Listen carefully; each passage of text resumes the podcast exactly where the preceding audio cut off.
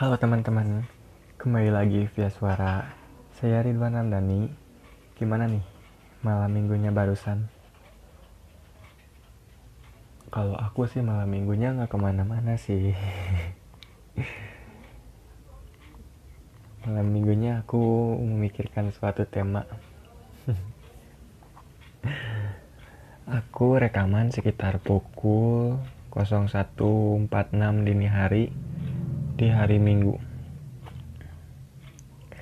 Kali ini aku pengen bahas tentang mantan terindah. Kalian punya gak sih mantan terindah atau mantan yang gak bisa lupa di kepala kalian? Dan kalau udah jadi mantan, biasanya ada cerah-cerahnya sedikit atau biasanya kalau udah jadi mantan itu jadi cantik, jadi ganteng, ya kan? Apa sih bosku? Dia udah sama doi barunya. Telat satu bulan, muncullah undangan. Yang pacaran lima tahun bakal kalah sama yang datang ngajak orang tuanya. Rasanya memang kayak nggak bisa untuk diungkapkan. Tapi rasanya tuh kalian jadi nggak bisa diem atau nggak enak aja kalau diem kayak gitu. Biar nggak garing, aku play audio ya. Aku play lagu Armada harusnya aku. Tapi versi pianonya ya.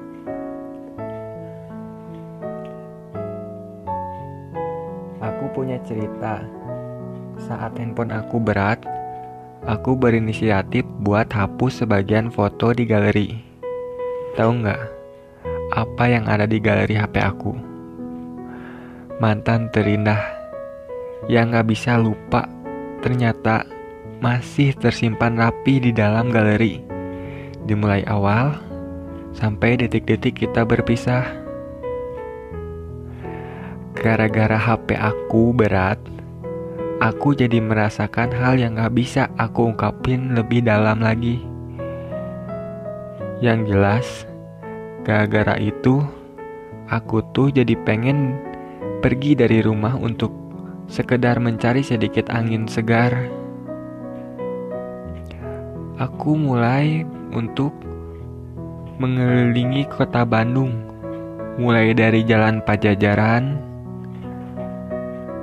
ke Jalan Setiabudi, ke Jalan Babakan Siliwangi, lalu tembus di perhentian terakhir aku di Jalan Dagu atau Jalan Insinyur Haji Juanda yang kalau malam minggu di situ tuh banyak anak-anak muda yang lagi nongkrong.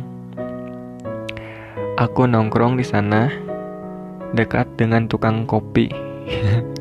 Tukang kopi emang selalu pengertian. Aku mulai nyalin api untuk merokok dan membeli cangkir kopi. Di setiap perhelaan nafas dan di setiap kepulan asap, aku jadi bisa menerima kenyataan dan meyakini diri sendiri bahwa kita tidak boleh terus-menerus melihat ke belakang. Karena memang semesta waktu itu berjalan maju, bukan berjalan ke belakang. Biarlah tangannya menjadi pengganti tanganku untuk menuntunmu, dan pundaknya menjadi pengganti pundakku untuk kamu bersandar. Dan biarkan secangkir kopi dan satu batang rokok menjadi penggantimu di sini. Satu yang aku yakini, jika Tuhan mengizinkan, sejauh mana pun kakimu melangkah, itu akan membawamu kembali kepadaku. Dan jika Tuhan berkehendak, kita menjadi salah satu sebuah kisah zaman remaja Mungkin di hari tua kita akan menceritakan kepada anak cucu kita masing-masing.